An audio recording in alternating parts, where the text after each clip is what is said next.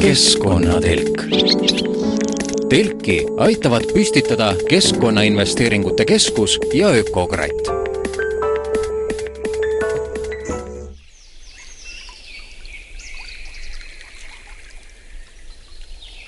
tere! keskkonnatelk on taas püsti, mina olen saatejuht Kadri Valner. Vaatasin kalendrisse ja nägin ehmatusega, et meie saatesarja lõpuni ongi ainult kuus saadet, kuus nädalavahetust. kahju, aga sellest kuuest nädalast tuleb siis võtta kõik, mis võtta annab. et minu praegune elukoht järgneva aasta jooksul on Võrumaa, siis on loomulik, et ma rändan ja matkangi siinkandis enam ja nii mõnelgi korral on ka makk kaasas. Kutsungi teid nüüd ühele vahvale raadiomatkale Kavadi järve äärde. millest veel juttu tuleb? vahime täna saates pilvi arutleme, mis kujuga nad on ja kuidas üleüldse mõnusalt eh, pilvi vahtides puhata ja arutleme ka selle üle, kas Kalevipojal ja meie teistel Eesti suurtel vägilastel oli mõistus sama suur kui nende keha või märksa väiksem nagu öeldud, kutsun teid kõigepealt Kavadi järve äärde, sest eh, ümber selle järve on üks vahva matkarada, mille jooksul võib näha päris mitmepalgelist loodust, see matkarada on neli ja pool kilomeetrit pikk ja sellel rajal on meie retkejuhiks Silver Näkk kohalikust Keskkonnaametist. Kavadjärve matkarada algab siis Uue Saaluse mõisa juurest, õieti mõisast on vist ainult varemed järgi jäänud? on varemed, jah. ta kukkus kokku lihtsalt äh, kuna siia kool, taheti koolimaja tuua, siis naaberküla rahvas käis ja lõikas sarikad läbi ja siis kukkus kokku Eesti ajal. ja nii ta jäi. aga Kavadi järv siis on tekkinud nagu, nagu selle paisutamise tagajärjel, eks ole. Et mõisahärra tegi oma naisele ilusa järve, järvevaate lihtsalt. et siis paisutas kolm pisikest järve üheks suureks. et ta on, tegu on paisjärvega siis. aga kas mõi-, mõisa ajal seda järve kasutati nii-öelda ka tööstuslikult? viinavabrik oli siin. viinavabrik on seal saare peal ja saart kutsutakse siis Vabrikusaareks mm. -hmm. ja seal oli siis viina, viinatööstus ja siin all oli veel -huh. Mis seal tee ääres on üks hoone mm. -hmm. et nii palju seda paisvett siis kasutati mm. -hmm. siinkandi inimesed ütlevad, et tegu võib olla Eestimaa kõige ilusama järvega Eestimaa no. pärliga. eks ilu on vaataja silmades. no kuidas teile endale tundub no,? aga Otepääl ütlevad, et Pühajärv on kõige ilusam aga kumb siis õige on? no eks mõlemas on tõtt sees mm. -hmm. sealsete inimeste jaoks on Pühajärv, meie jaoks on Kavadi. Ja siin siis on nüüd tehtud, et need no põhiprobleem, need tõkkepuud, eks ole, on pandud, et selle jaoks, et autodega alla ei sõidetaks, aga siin on juba näha kõrval, et ikka kakutakse post maa seest välja, ikka sõidetakse autoga vette mm. -hmm. et ei saa ju, õnge on raske tassida raske on ta ju. ussiga tops on tõenäoliselt raske juba viiale jääda aga kala on siis uhkesti järves? siin eelmine nädal saadi küll võrguga, nii nad ütlesid, et pooleteistkilone ahven kätte.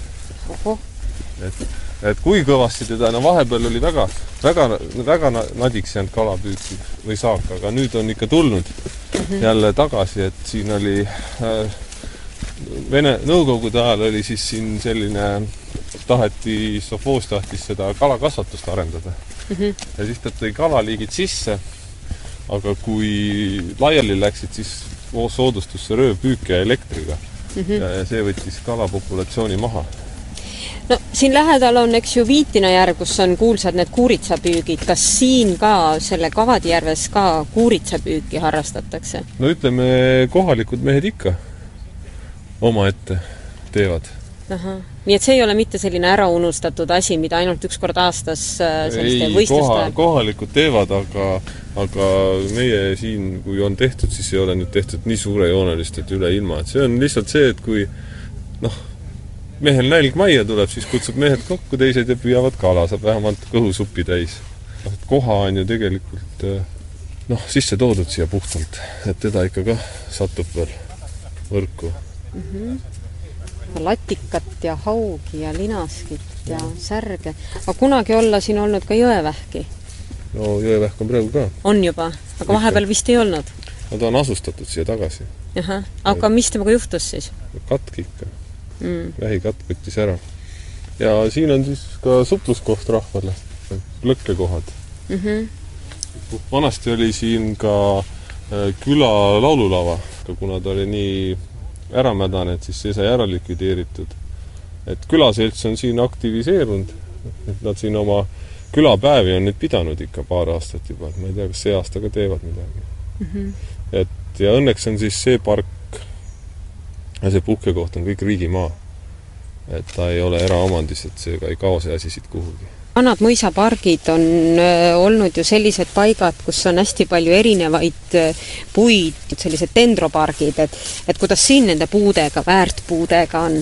ütleme, et ta ei ole sellise äh, väga suure kujundusega park, kuid tal on nagu väärtuslikumad on siin need suured tammed, eks ole.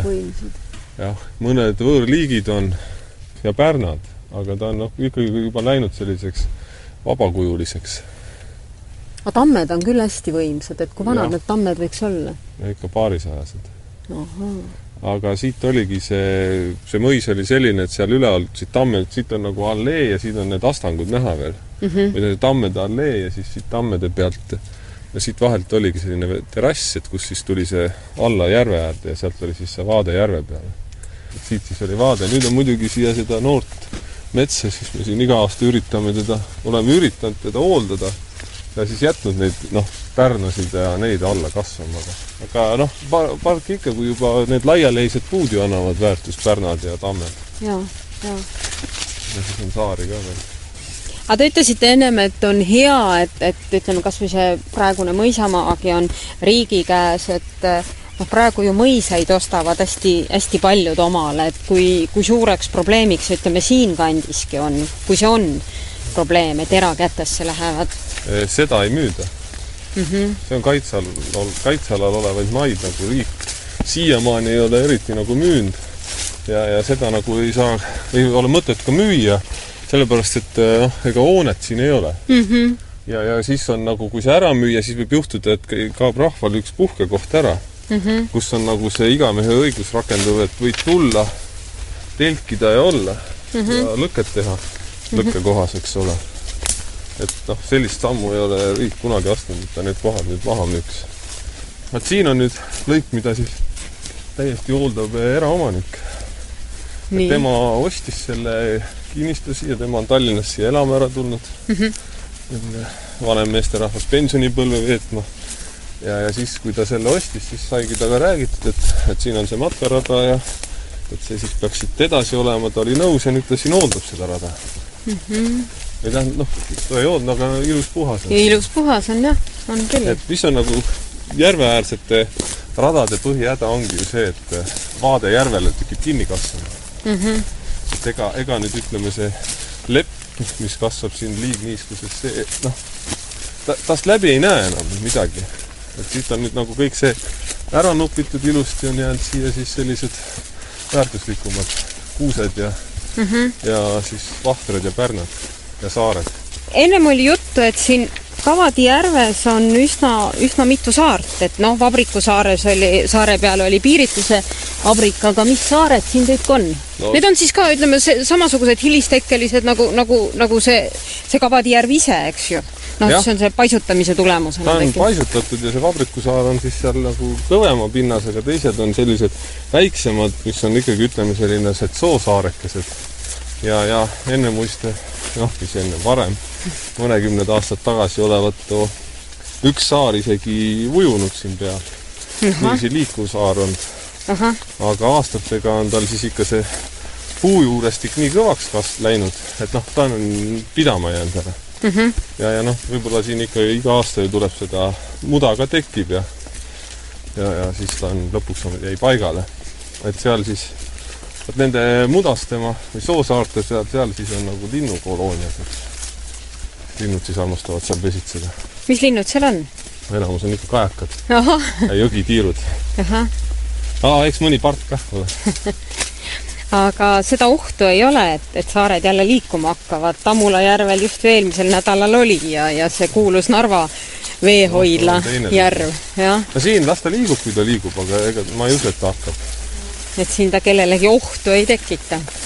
no nii, nüüd oleme teises Kavadi järve otsas, nüüd me, on siin on siis see Iskna oja, nii, mis siis on nagu välja voolab, aga hetkel ta ei voola. täitsa kuiv ju kuna ta on paisjärv, siis oli tal selle veetasemega siin probleeme. mm. -hmm.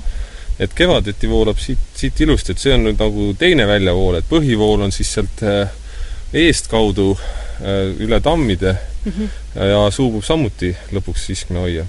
aga siin on siis see lisaväljapääs, et kui veetase läheb niivõrd kõrgeks, et hakkab siin äh, järveäärsetele majadele liiga tegema, et siis siit voolab välja, et kevadel voolab siit ilusti välja. Mm -hmm. et siis sai ta selline suht lai ja, ja selline tehtud. et noh, inimesed hädas. Me marssisime praegu just äh, sõnajalgadest mööda, et Vällamäe seal matarajal on kuut liiki sõnajalgu, et hästi rikas kant, kuidas siin nende liikidega on? noh, ja nii palju ei ole. Vällamäel on lihtsalt äh, vanem metsakooslus seal mm, -hmm. mets, metsavärk on rikkalikum. siin on ikka enamus kilpijalga, oh kui, ja metsosi ja see on lahe puu nagu kruttinud ennast ja keeranud noh, selline tüügas on väärtuslik, et linnukesed saavad midagi ja, ja mets, mets on noh, siin on nagu just, siin ongi see noh, ilu pärast, et siin nagu sellist erilisi liike nagu tutvustada ei saa, aga mm -hmm. sellist tüüpilist sarapuud, vahtrat kaske puudest, siis mm -hmm. taimedest, noh, metsosi, laet mm. -hmm. kindlasti metspipar on siin, jänesekapsas esimesed seened paistavad siin.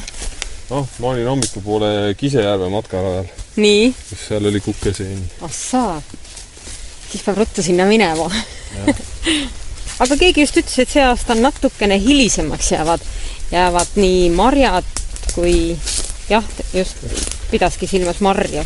no ma ei, ma ei oska nüüd öelda, kuidas, kuidas mujal Eestis on, aga Haanja on see omaette maailm. et siin on küll kaks nädalat, on jah? jah. nii, nüüd me oleme peaaegu minu jaoks üle pea kasvanud kõrkete vahel. jah, see on nüüd ütleme, et noh, ma ei tea, kellele meeldib, kellele mitte, aga noh, rada on ikka sisse tambitud siin Jah. ka, et et mõni, noh, mõni inimene tahab, et oleks ära trimmerdatud mm. -hmm. ei tea, no näed, kukeseened. jah, ongi, täitsa rõõmsalt kasvavad. ja nagu ikka, iga järve ääres koprad. jutt kobrastest see on igas järves, igas lombis, igas tiigis, igas kraavis. ja teda jätkub meil igale poole. liiga palju ei ole neid. on ikka. aga õnneks noh, on Haanjas, et ega ta nüüd äh, suurt ala üle, selles mõttes suurt, et ta nüüd metsa väga, ta ujutab selle väikse lohu, lohu üle mm. -hmm. või paneb mingi kraavid kinni ja, ja, mm -hmm. ja siis nend- nendega madistamine on muidugi tükk tegemist. aga et liiga palju kurja pole teinud oma tammidega. Nad äh, noh, selles mõttes, noh, siin on näha kohe, kuidas ta on isegi pillirohk läbi marssinud. et nad teevad seda kurja, et äh, kuidas ma nüüd ütlen, nad nagu oma tegevuse, kui on ikka mingi kraav ja kraavi kinni panevad, siis juhtub see, et see vesi ujutab tagumised niidud üle, mida Jaa. ei saa siis niita. ja metsal siis väiksed alad, kus siis mets täiesti hävib. Aga ma ütlen, Haanja õnn on see, et ta ei saa hektarite viisi väärtuslikku metsa üle ujutada, nagu on sellised, kus ei ole nii mägine maastik. siin seal Pallikülas on talunikud hädas, et on nii üle ujutatud, kas nüüd kopra pärast või, aga et öö, üks pere ütles, et nemad on oma heinast ilma jäänud. et kõik on vee sees, ujub. kindlasti ongi kopr, kuskil eesvoolul on Kopra tamm ees no et meil on Luhasa matkarajal oleme hädas mm. -hmm. üks osa matkaraja laudteest on vee all. et äh, noh, tamm on, on seal kaks meetrit kõrge, kui kraavi põhja minna. jah, jah, seal nagu käsitsi ei tee enam midagi Mhm. et ainult tehnikaga lammuta laiali. aga kuidas nende kopratramm ko,, kopratammidega on, igaüks ju neid laiali lammutama ei tohi minna, et selleks peab ikka olema ka Keskkonnaametilt luba või? Et keelu, eriti keelu ajal ei tohi üldse, kui on kopra jahikeeld ja kui, aga kui jaht lahti läheb, siis nagu jahimehed tohivad mm. -hmm. et see on jahitunnistus vaja mm. -hmm. ja kui väga suurt kahju, siis peab loa küsima, et tammi lõhkuda. no reeglina see antakse ka, et ka siis, kui tegu on eramaaga? Äh, jah.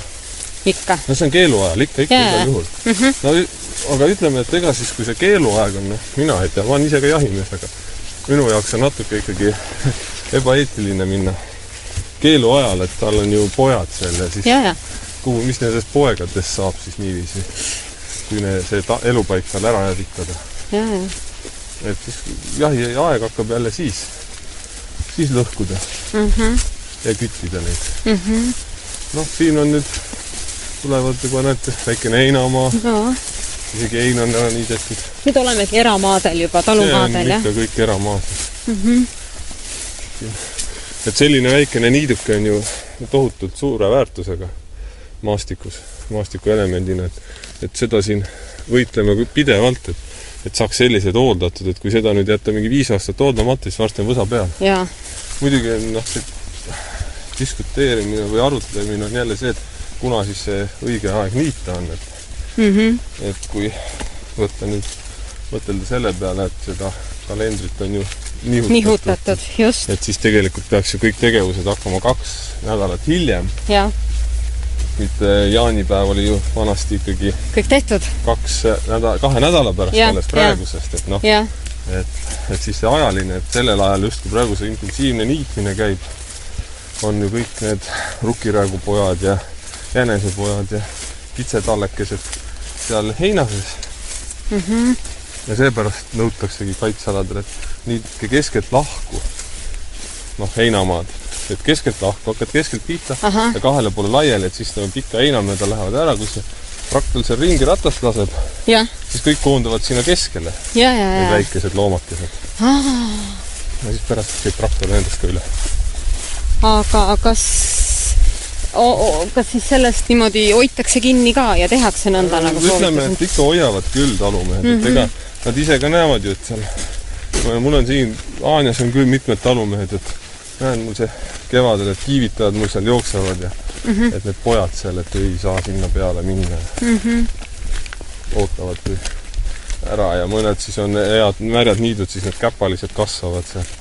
siis ikka uurivad, et kuna siis tohib niita, et lasevad ära õitseda ja siis lähevad niitma ja mm -hmm. sellist ikka on päris palju, et see teadlikkus kasvab iga aastaga, järjest läheb paremaks. aga nüüd me küll marsime lausa taluõuelt mööda. no mis teha, ei mahu ju kuskilt, et et sellepärast me edaspidi, noh, siin veel ei olegi mujalt minna, et siis mm -hmm. pärast me lähme veel noh, eh, veel teise tee peale kõnnimegi, et me ei saa lihtsalt mujalt läbi mm. -hmm. et siin on nagu suvekodu ja inimesed ei ole nagu pahaks pannud mm. -hmm. et noh, eks see teine talu ju sõidab ka siit oma autodega läbi. jah. et vanasti, no mis ongi ka külades sellises asjas ongi see ka, et kui eriti kui uued inimesed tulevad, ma ei tea, kuidas teil seal edeneb, et siis, kui selline tee läheb läbi, eks ole, siis nagu varem oli vaikne, käidi vanasti hobustega, siis polnud probleemi, aga nüüd tulevad võõrad ja sõidavad suure autoga, eriti kui kihutavad. aga siin on näha klassikaline stiil, et mis asi on ukse taga? luud on ukse no, taga pererahvast pole kodus, väga uhke. meil äh, laps pani siin eelmisel nädalal paika, istus, ronis redelit mööda maja katusele ja, ja siis mõtles, mõtles ja siis ütles, et me ei ela mitte Võrumaal, vaid me elame Võlumaal, ühe tähe vahe, aga aga ütles väga ilusasti ära. ilus kant ja muidugi, eriti kui veel loomi peab keegi kuskil ja ikka need maastik on hooldatud ja heinamaad niidetud ja heina tegemine ja mm -hmm. ja suitsusaunad tossavad ja jaa endal ka, et mul on kodus suitsusaun ja ma elan seal suhteliselt, suur tee läheb suht mööda, et sealt on suitsusaun näha ja uh -huh. ja eelmine suvi siis kütsin suitsusauna üks auto sõidab mööda peatab kinni, tuleb tagurdab tagasi, ütleb, et saun põleb. maja põleb. ma vaatan üle nurga, ütlesin, no noh, et see on ja. et see peabki põlema mm. -hmm. et noh, et ega õhtul, kui küla vaikne on ja seal ringi kõnnid, ikka kaugel on juba tunda, et kuskil saun Jaa. lõhna järgi. aga kas siin selle matkaraja ümber on äh, mõnda sellist äh, kanti, kust või kohta, kus seda inimtegevust lubatud ei olegi, et noh, tegelikult Haanja looduspargis ju on selliseid kohti, eks ju, aga siin ümber ka? selle ümber nüüd on, see on ikka piiranguvöönd, et siin, siin võib praktiliselt kõike teha. mõistlikkuse piires aga. loa peab võtma selleks. et põhi, põhimõtteliselt nagu, et äh, ei, ei keela ju inimesel mm. -hmm. et üritame ikka kokkuleppele leida, et ta teeks, aga ta peab nii tegema, et ta seda kohta ei kahjustaks kuidagi mm. -hmm. et äh, noh, väga levinud arusaam on ju see, et et aga mis ma sellest heinamast saan siin, et vaata, kui ma ta siia maja ehitaks, et siis oleks sellel väärtus mm. -hmm. no ei ole ju nii, tegelikult on ju see tema jaoks jah, aga muu rahva jaoks on see just see heinamaa väärtus. on. ja kui on nagu kaitseala, siis me peame arvestama üle-eestilisi vajadusi, riiklikke vajadusi. et maastikud on selle jaoks, et neid säilitada. et varsti me jõuame Eestimaa hästi suure ja uhke taime juurde, mis kasvab Eestis. mida siis tõrjutakse hoolega. aa, karuputk jah, jah, mida mõned inimesed viisid endale aedadesse kunagi, väga ilus dekoratiivne taim.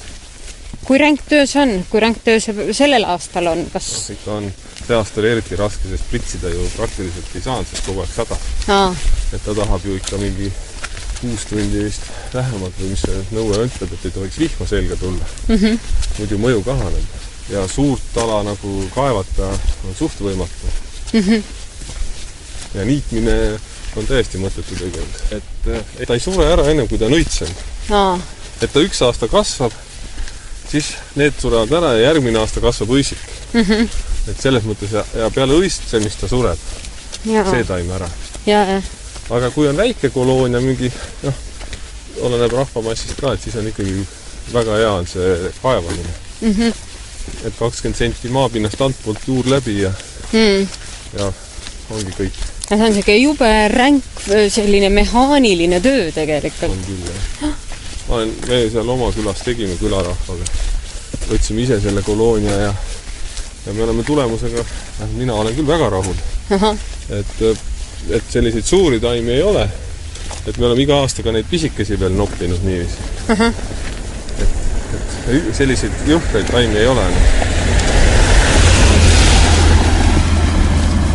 siis oleks selline, et ta ta enam vähemalt ta ei levi meil, eks me peame seal veel noh, mitmed aastad vaatama, et see viimased maha kukkunud seemned nagu ei areneks välja, et ta viis aastat ikkagi on see seeme seal võimeline arenema. siin on siin näha pritsimise tagajärg, et ikka Ikka on kollaseks kasvab. küll, et jah, kollast on, aga kasvab ikka ka. muidu, kui me siin hakkasime, selle me panime, siis oli siin ikka niiviisi, et see oli laus, laus täis mm. seda putke mm. -hmm. et nii palju nüüd on, et see on peaaegu tühi, noh, ega siin muud ka ei kasva muidugi mm. -hmm. pritsimine on pritsimine.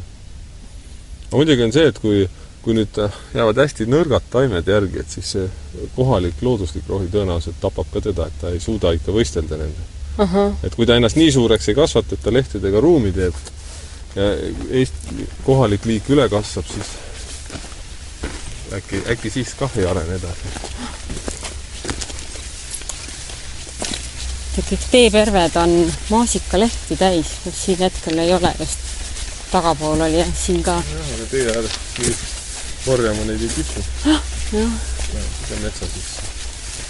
no ja siin on veel säilinud mõisast teine, teine vare, jah, selline, mis ta nüüd, hobuse tall ja ait on mm. -hmm. siis, siis Eesti, siis tuli siia rahvamaja Mm -hmm. isegi kauplus oli siin, siis läks erakätesse ja nüüd on lagunenud. teda enam ei ole mm. -hmm. erakätesse läks siis, mina siia tulin, siis sellel hoonel oli kõik katus peal veel. aa, siis üheksa aastat tagasi oli mm, -hmm. oli täiesti katus, nüüd on Täiesti küll nii korras. hirmus vare, et et nööritki ümber, et ära tule, et siin on sellega sai valla, vallaga sai talle mitu korda see ettekirjutus tehtud, et et ohtlik ja nii edasi, siis siis ta lasi siia panna need lindid ümber mm. -hmm. Nii et ta praegu on ka ikkagi erakätes, et tal omanik nii-öelda on olemas, kes, omanik on olemas, jah. kes ei hooli või ei suuda midagi teha. jah, ta mm -hmm. vist lootis, et ta saab terve mõisapargi. aa. see kõik teeperved on maasikalehti täis, kus siin hetkel ei ole just. tagapool oli jah, siin ka. jah, aga tee ääres korjama neid ei kipu. jah. seda metsa sisse mul oli endal paar päeva tagasi üks selline kogemus, et tahtsin metsa alla maasikaid minna korjama ja tuli, selgus, et ma olen eramaal. tädi tuli natuke pahandama, et, et mul lapselapsed tulevad ja kuidas nüüd nii, et sina korjad siin, siin maasikaid ja et see on minu maa. siis peab olema tähistatud ja niiviisi, et, et sa näed ära, et see on eramaa, eks ole mm. -hmm. et siis sa ei või, sa võid sinna kõndima minna, kuid nii, et sa kahju ei tekita, aga sa, siis sa marju korjata ei tohi. Et äh, seda küll, jah. aga veekogude ääres on siis see kallasraja teema. just. et noh, kallasrada on nagu avatud, see on ka tegelikult kallasrajal, aga aga noh, ütleme niiviisi, et kui inimene otsib konflikti ja ta ei taha kedagi, siis ei ole sellest kal-, õigusest ka midagi kasu. no mida sa lähed sinna, kui sa saad sõimata mm? -hmm. no ei lähe ju, mingit matkarada sa ei tee sinna. et see asi tuleb mängu siis mm. -hmm et meil on ka juhuseid olnud, kus äh, me peame matkaraja sellepärast ümber tõstma, et inimene ei taha lihtsalt, et tema selle peal käiakse. ja siis ongi, et äh, või pahatihti jääbki see matkarada siis tegemata lihtsalt mm. -hmm. sest üks maaomanik ei ole nõus mm. -hmm. Mm -hmm palju siinkandis, ütleme Haanja kandis neid matkaradu on ikka päris ohtralt on, ma vaatan ja, ja selliseid äh, matkaselle paistab ka päris palju olevat. palju, iga aasta läheb järjest rohkemaks, et äh, et on ju Haanja looduspargis nüüd on neli matkarada mm. -hmm. Rõuges, Rõuge ürgorg, siis on Kütiorus, Vällamäel ja siis see Uue Saadase mm -hmm. Kavadi matkarada, siis siis järgmine veel lähedal on seal Luhasoo Luhasool on seal kah matkaraja, mada koos matkaonniga. siis teisele poole tulevad sinna Kisejärvele, Pullijärve juures on, Kirikumäel on mm -hmm. matkarada mm -hmm. ja siis äh, Piusa ürgorus on ka veel toimunud eraldi kaitseala. nii et äh, ütleme, et praktiliselt igal vallal on oma matkarada, matkarad. kus, mis tutvustab seda, et mm. -hmm. no Haanja on ju nii suur kaitseala, et see on viis valda sees.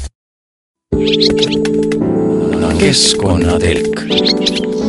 telki aitavad püstitada Keskkonnainvesteeringute Keskus ja Ökokratt. saade jätkub. kui meie pere otsustas umbes pool aastat tagasi, et aitab küll, nüüd tuleme terveks aastaks pealinnast ära ja asume elama maale, peaaegu et Läti piiri äärde, siis oli üks meie põhimõtteks ka see, et selle aasta jooksul, mis me siin veedame, peaksime me elama veel keskkonnasäästlikumalt kui seni ja veel loodust märkavamalt kui siiani no keskkonnasäästlikumalt oleme me selle kahe nädala jooksul, kui me siin oleme olnud, elanud küll. kas või juba seetõttu, et vesi on meil õues ja nii kulubki päeva jooksul vaid mõni ämbritäis vett, mis on kordi vähem kui Tallinnas. ja ka siis, kui me pesu peseme, kulub seda märksa vähem ja oh üllatust, Riiga, vana Riiga pesumasin teeb pesu puhtaks kümne minutiga, mitte pooleteise tunniga nagu automaatpesumasin. ka nõusid ei pese me mitte masinas, vaid käsitsi ja kui me tahame ennast päris puhtaks küürida, siis teeme suitsusauna, kus samamoodi kulub vett vähem kui siiani vannis. nii et vähemalt vett oleme me tohutult säästnud. ja ka elektrit, sest õhtul läheme me lihtsalt varem magama, kas või juba seetõttu, et päeval on nõnda palju teha. meie tütar on saanud nädalasele varsale pai teha. Me oleme näinud üle tee jooksmas rebast, põtra koos vasikaga, me oleme saanud peos soojendada tibusid, vahtinud tõtt metsjänestega. Need on asjad, mida me linnas ju teha poleks saanud. ühe luksuse olen ma siin ära õppinud. ma olen istunud maja katusel, vahtinud ümberringi ja pole mõelnud mitte ühtegi mõtet. eks tehke järele. harjutusi roheliseks eluks lood jõuavad nüüd kohe teieni ja Katrin Lipp, pioneeritoimetaja, räägib oma mõtetest, kuidas puhata roheliselt. Övningar för ett ekologiskt liv. Harjutusi roheliseks eluks. Esercizi per condurre una vita sostenibile. harjutusi roheliseks eluks. Ejercicios para llevar una vida sostenible. harjutusi roheliseks eluks. et suvi on puhkuste aeg ja inimestel on enam vaba aega käes.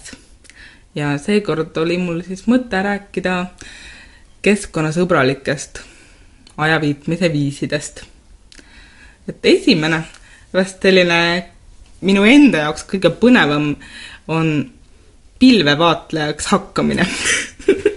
Et see on selline väga vahva harrastus, mis ei nõua mingit kindlat kohta või mingit erilist varustust ega midagi taolist, et, et pilvi saab vaadelda auto, ma ei tea, kõrvalistuja rollis, jalutades, aias peesitades, rannas olles, mis iganes, kas või kontorist aeg-ajalt välja kiigates. ainukene asi, mida siis teadma peaks, et noh, mis seal taevas on, et peaks ju teadma, mis pilved on.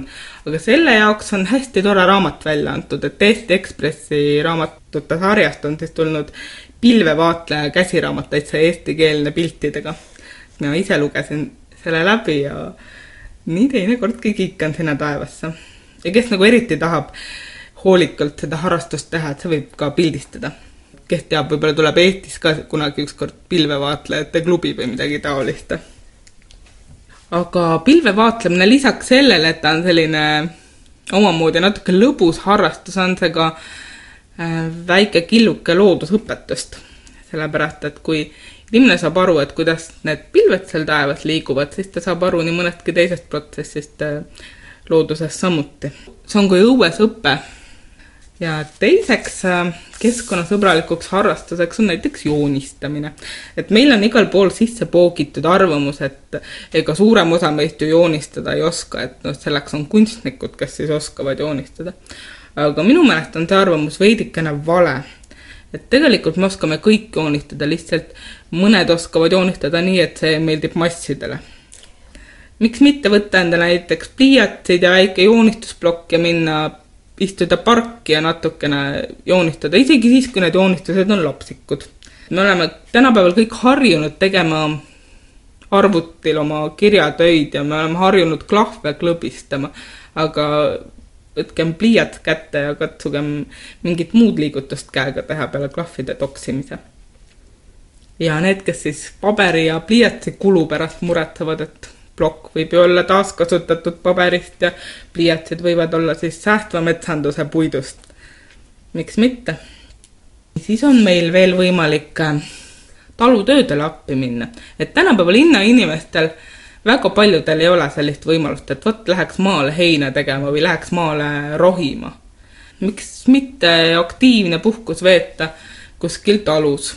kui ühtegi tuttavat talunikku ei ole, et siis on olemas ka selline WWOOF liikumine, mis siis organiseerib ähm, vabatahtlikke tööd mahetaludes. üks võimalus on veel talgutele minna. loodustalgud on maailmas selline tõusev trend puhkuse veetmiseks saab ühendada aktiivse puhkuse ja vabatahtliku töö. Eestimaa Looduse Fondi talgureisid kestavad enamasti kolm kuni viis päeva. see on Eestimaa hüvanguks tehtud väike puhkus ja lisa saab siis lugeda www.talgud.ee. siis on veel võimalik jalgsi matkale minna. võib-olla vanemad inimesed oma nooruspõlvest mäletavad, et võeti seljakotid, mindi matkama. aga tänapäeval millegipärast jalgsi matkasid tehakse nagu oluliselt vähem et pigem ikka autoga matkama või rongiga või lennukiga või millega iganes. aga tegelikult jalgsi matkamine on üks hästi tore harrastus. see on aeglane liikumine, siis jääb aega kas või liblikaid jälgida või maastikku uurida. et miks mitte võtta näiteks taimemääraja kaasa endale matkale, et siis vaatab, et ohoo, mis asi see siin õitseb. siis uurite, jällegi harite ennast veidikene looduse vallas. kes ei soovi taimi või liblikaid määrata, see võib ju vaadata ka ilusaid maju või mida iganes ja kui on nagu pikem jalg see matk, et siis on mõtet kas kuskil turismitaludes ööbida või siis telkida. ja erinevaid reisimarsruute, telkimiskohti ja ka head tava, ütleme, looduses liikumiseks minu meelest leiab RMK lehekülje pealt. samuti väga hea ajaviide on tegelikult raamatukogu raamatute lugemine. nagunii praegu on majanduslangus ja iga senti tuleb lugeda et siis miks mitte vahelduseks raamatuid, raamatut poodi jätta ja endale lihtsalt laenutada neid. ja veeta näiteks päevakene televiisori arvuti vabalt lugedes.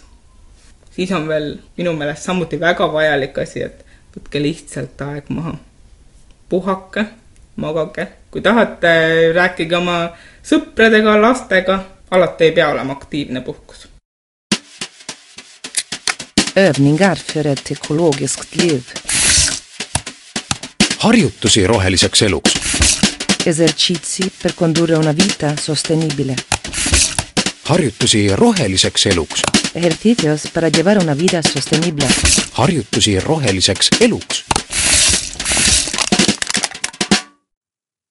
istusin üks hommik oma kuueaastase tütrega talumaja õuel ja joonistasin nõnda, nagu Katrin soovitas. õieti joonistasime mõlemad, võtsime aga akvarellid ja pintslid pihku ja siis vaatasin, et hoolimata sellest, et on kesksuvine aeg, on erinevat tooni rohelist meie talu õuel küll väga palju. tumerohelist, helerohelist, erkrohelist, hallikat rohelist, sinakat rohelist ja nii edasi, nii edasi. seega vaadake ka teie, kui pintslit pihku võtate, kui palju erinevaid toone te võite leida. konn teeb meie õuel häält võib-olla on see märguks paigavaimu kutsele. Mis tähendab seda, et tegelikult me järgneme nüüd Marju Kõivupuule ja kuulame, mis temal rääkida on.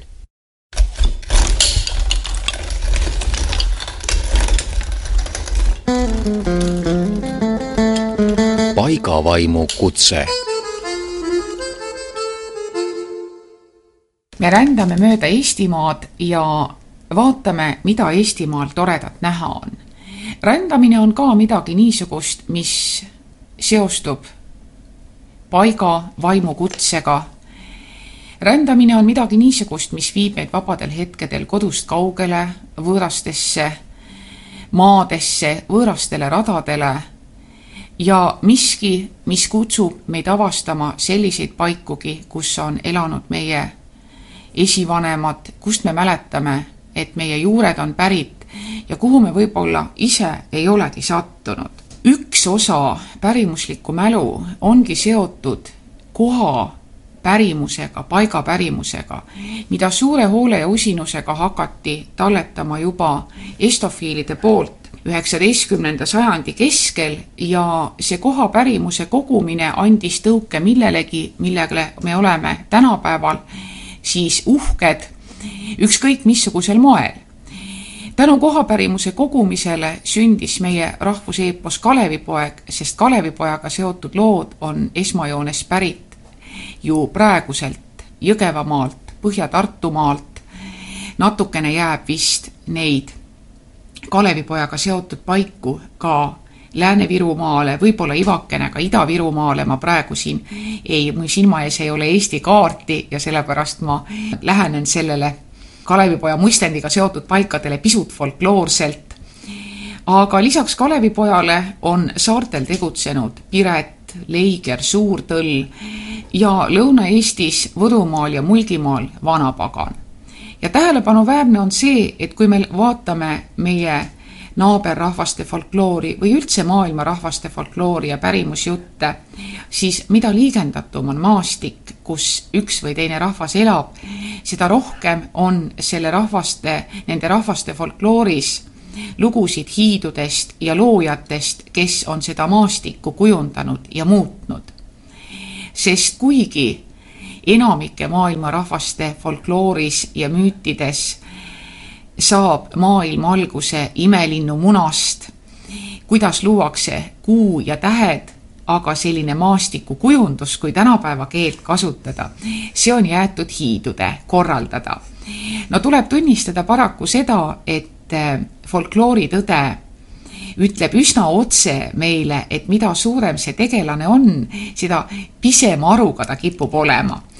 ja nii meie oma Kalevipoeg ka, kui me vaatame, mida ta siin teinud on, kuidas ta on kündnud need maad ja ja nii teisedki hiiud, et võib-olla nad alati ei ole toiminud kõige arukamalt, aga võimalik, et see on meie juttudes niimoodi, me ise tahame olla natukene targemad ja tähtsamad aga Kalevipoja lood, mis rahvas jutustas küll tekstidena, kohamuistenditena, seletusmuistenditena, tekkemuistenditena, nii nagu folkloristid püüavad neid määratleda, said või panid alguse, aluse selleks, et Kreutzwald, samuti Schulz, Bertram ja mitmed kaasaegsed, Veelmann loomulikult kõigepealt, arvas, et nendest müütilistest Kalevipoja lugudest on võimalik kokku kirjutada siis regivärsi vormis meie rahvuseepos ja kahtlemata Kalevipoja lood on üks osa meie identiteedist.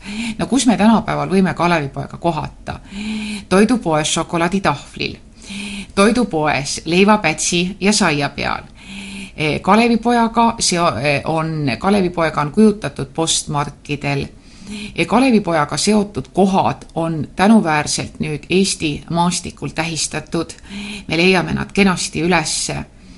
aga kahtlemata on Kalevipoeg ka väga oluline trükis meie koduses raamatukogus, kelle jaoks on ta esindustrükis, mida ehk ei ole kunagi loetud, aga mis on väga kaunis köites ja mille pealt võib-olla no kuidas ma nüüd viisakalt ütlen, et mitte kedagi solvata, pühime me aeg-ajalt tolmu või näitame väga pidulikult eh, oma kallistele külalistele, kui nad juhtuvad meie kodu külastama. meil on väga palju Kalevipojaga seotud meeneid ja ehk teised hiiud on jäänud natukene eh, rohkem ehk tähelepanuta. no Suure Tõllu lugusid eh, teame me ehk ka tänu Saaremaa elavnenud kohapärimuse tutvustamisele siin mõni aeg tagasi jäi silma seegi, et Pireti saunakivi juures seal Saaremaal kasvanud pühakohta kippusid meie kodupaiga külastajad jätma igasugust masti, igasugusest materjalist, linte ja lindikesi, et siis ähm, jäljendada seda vana traditsioonilist pühapaikadele ohverdamise kommet, aga paraku unustasid nad selle pisiasja, et meie esivanemad jätsid sinna materjali, mis looduses laguneb või mis vähemalt ei tee kahju, hõbemünte tekstiili, villast, linast, võib-olla veel midagi, aga meie kipume jätma sinna teinekord ka plastmasslinte või mingit sünteetilist materjalist vaelakesi ja sidemeid, mis paraku looduses ei lagune ja mida ka maausuliste mõtete kandjad ja hiiepärimuse populariseerijad juhivad tähelepanu sellele, et kui looduslikku pühapaika satute, tahate soovida, tahate annetada, siis paneks südamele sedagi, et kõik see, mis sinna jäetud saab, oleks looduslikust materjalist. ja selge on ka see, et kui te mõne püha kivi peal külastajad näevad kas münte või, või mingisugust muud sellist kraami, millel on nii-öelda maises ilmas väärtus, et hea tava näebki sedagi ette, et see kõik jäetakse sinna, et ka lastele tasuks meelde tuletada, et sellisest looduslikust pühakohast või pühapaigast ei võeta midagi kaasa aga see nüüd läks jälle natukene sinna moraali valdkonda. nojah, kohapärimus on ka selles mõttes hästi huvitav materjal, et kui vaadata praegu viimase aja folkloori väljaandeid, siis need on seotud väga paljuski meie maa ajaloo sündmustega, mida kajastatakse läbi suulise pärimuse, läbi folkloori, läbi kohalugude. nii näiteks on huvipakkuvad mõisalegendid. nii näiteks arutasime üleilmsel folkloristide maailmakongressil sedagi, kuidas tänapäeva suurlinnad oskavad pärimuslugusid ja legende kasutada ära turisminduses, reklaamis ja kuidas suurlinnades korraldatakse spetsiaalseid retki linnakülalistele, aga miks mitte ka linnaelanikele, õpetatud siis giidide toel, kes räägivadki selle linna kohta ainult pärimuslugusid no kummituslood on muidugi niisugused, mis pälvivad tähelepanu, sest natukene hirmu ja õudust kulub asja juurde. see tekitab meis sellise tunde, kui kuklakarvad tõusevad püsti ja ja, ja hakkame siis ette kujutama, mis ja kuidas see kõik olla olnud võiks. aga samas avardab see niisugust pärimuslikku teadmist ja õpetab sõna värvikalt kasutama. sest kohapärimuslikud lood on huvipakkuvad ainuüksi kas või selle poolest, et kes ja kuidas oskab seda lugu jutustada. me võime kurvalt tõdeda, nagu tänapäeval tihti juhtub, et et uue maja inimesed ütlevad jaa, seal põllu peal või metsatukas on üks kivi ja vaat kui minu vanaema elas, siis ta rääkis, et see kivi olla visanud Kalevipoeg aga sellised mahlakad värvid ja see sõna oskuslik kunstiline kasutus kipub teinekord jääma tahaplaanile. no näiteks, kui keegi satub Kassinurme linnust külastama, mis on samuti Kalevipojaga seotud paik, siis äh, juba tuhande kaheksasaja üheksakümne kuuendal aastal räägiti seal siis sellisest põhjatust orust ja Kalevipoja silmapesukausist. ja on siis räägitud, kuidas tuhande kaheksasaja kuuekümnendal aastal ühel väga kuival ja vihmavaesel suvel olid siis kaugemad ja kavalamad targad soovitanud ära mõõta selle mm, allika sügavus. Ja et kuidas seda ikka teha, siis seoti kõigepealt köie otsa raudpada ja selle raudpaja sisse pandi raskuseks veel kivi ja köis olla siis vajunud nii-öelda ilma arvamata sügavuseni. kui sügav see iganes siis ka ei ole, seda me praegu ei oska öelda. aga põhjani ei jõutud ja tõmmati köis koos pajaga välja. aga siis jälle see kole lugu, et kivi asemel olnud paljas verine härjapää ja siis öelnud hääl vee peal, et kui te veel kord sisse lasete seda pada, siis meie tõmbame teid kõige täiega alla. ja selle peale jätsid siis naised allika sügavuse mõõtmata ja samuti on nähtud siis sellel allikal ka varahommikuti ja kevadeti, kuidas siis need veehoidjad või haldjad, mulle hästi meeldib see ilus sõna veehoidjad, ja kuidas veehoidjad olid istunud seal allika eh, juures kivil ja oma päid sugenud ja olnud siis niisugused väga kenad no samuti on lisaks allikatele väga palju kohalugusid seotud siis suurte kividega ja suuri kivisid on tavaliselt kohapeal nimetatud kivide kuningaks ja nende suurust on mõõdetud siis selle järgi, kui palju inimesi on mahtunud kivi peale laulma, tantsima ja samuti ka sööma. aga kivil toitu võttes tasub meeles pidada sedagi, et meie esivanemad on uskunud, et kui kas kivi peal või kivi kõrval koos sõpradega toitu võtta, siis see kivihoidja võtab seda märki kui temale toodud ohvriannist ja ootab, et aasta pärast tagasi tulles sellesama kivi juures korraldaks samasugune söömapidu, nii et ka kivihaldjas saaks oma osa ja et see kujuneks rituaaliks nii et head Eestimaa külalised, kui te kusagil pikniku peate, siis mõelge hoolega, kas seal läheduses ei ole see paigahailjas või paigavaim, kes ootab teid aasta pärast tagasi, kes tahab teiega taas kohtuda. sest küllap see niimoodi on, et kuidas, kui meie loeme paigahoidjate, haldjate ja paigavaimude kohta tekste ja kirjapanekuid arhiividest ja trükistest, siis paigavaimud ja paigahaldjad saavad teavet selle kohta, mis maailmas sünnib meie kaudu. kui me läheme nende juurde, istume maha, räägime seal oma lugusid ja küllap nad seal kusagil on vaikselt kuulatavad ja mõtlevad selle üle, kuidas meie elu tänapäeval muutunud on, mida on uudist, nii et me oleme omakorda sõnumitoojad, kes rikastavad seda paika ja annavad värve juurde sellele paigale, sest mõtleme hoolega järele, meil on Eestimaal väga palju selliseid toredaid paiku, kus on suvitanud meie, meie jaoks olulised kultuuriinimesed, näitlejad, need, kes on meie kultuurile väga palju andnud. Ja needki värvikad tegelased on oma nime kirjutanud selle paiga kohalugudesse. no lihtsam oleks lihtsustatult öeldes, mis nad sõid, kellega nad rääkisid, kas nad olid rahvamehed või nad ei olnud rahvamehed hoidsid rohkem omaette. Ja kuidas nende värvikate nimede külge siis haakuvad väga erinevad lõbusad ja naljakad lood nende suvitamistest siis koha peal. et kui me ise kuhugi läheme, siis kindlasti meid märgatakse ja pannakse tähele nii kohalike elanike poolt kui ka nende poolt, keda me nimetame meile, meile armsate paikade headeks hoidjateks, et oleme siis nende suhtes sõbralikud, tähelepanelikud ja austame neid tavasid ja kombeid, mis on selles paigas olnud tavaks, kuhu me läheme ja katsume endast vähem jätta märke loodusesse, sest paneme ju tähele sedagi, et nendes kohtades, kuhu inimese jalg astub, sinna tekib liivakivisse kirjutisi väga erineva sisuga või näiteks on laotud kividest väikesi selliseid tornikesi või stuupalaadseid tähistusi sellest, et me oleme siin olnud.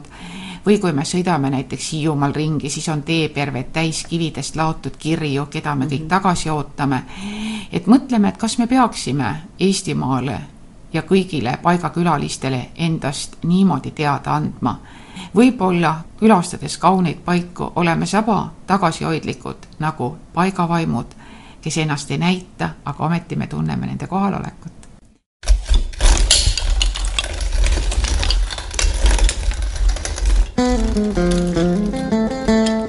paigavaimu kutse. aitäh, Marju Kõivupuu. Taas on, mida meeles pidada. me kohtume nädala pärast ja nõnda nagu saate alguses öeldud, lähme ka siis matkale. Läheme Luhasoo matkale. kõike kaunist teile! keskkonnatelk. telki aitavad püstitada Keskkonnainvesteeringute Keskus ja Ökokratt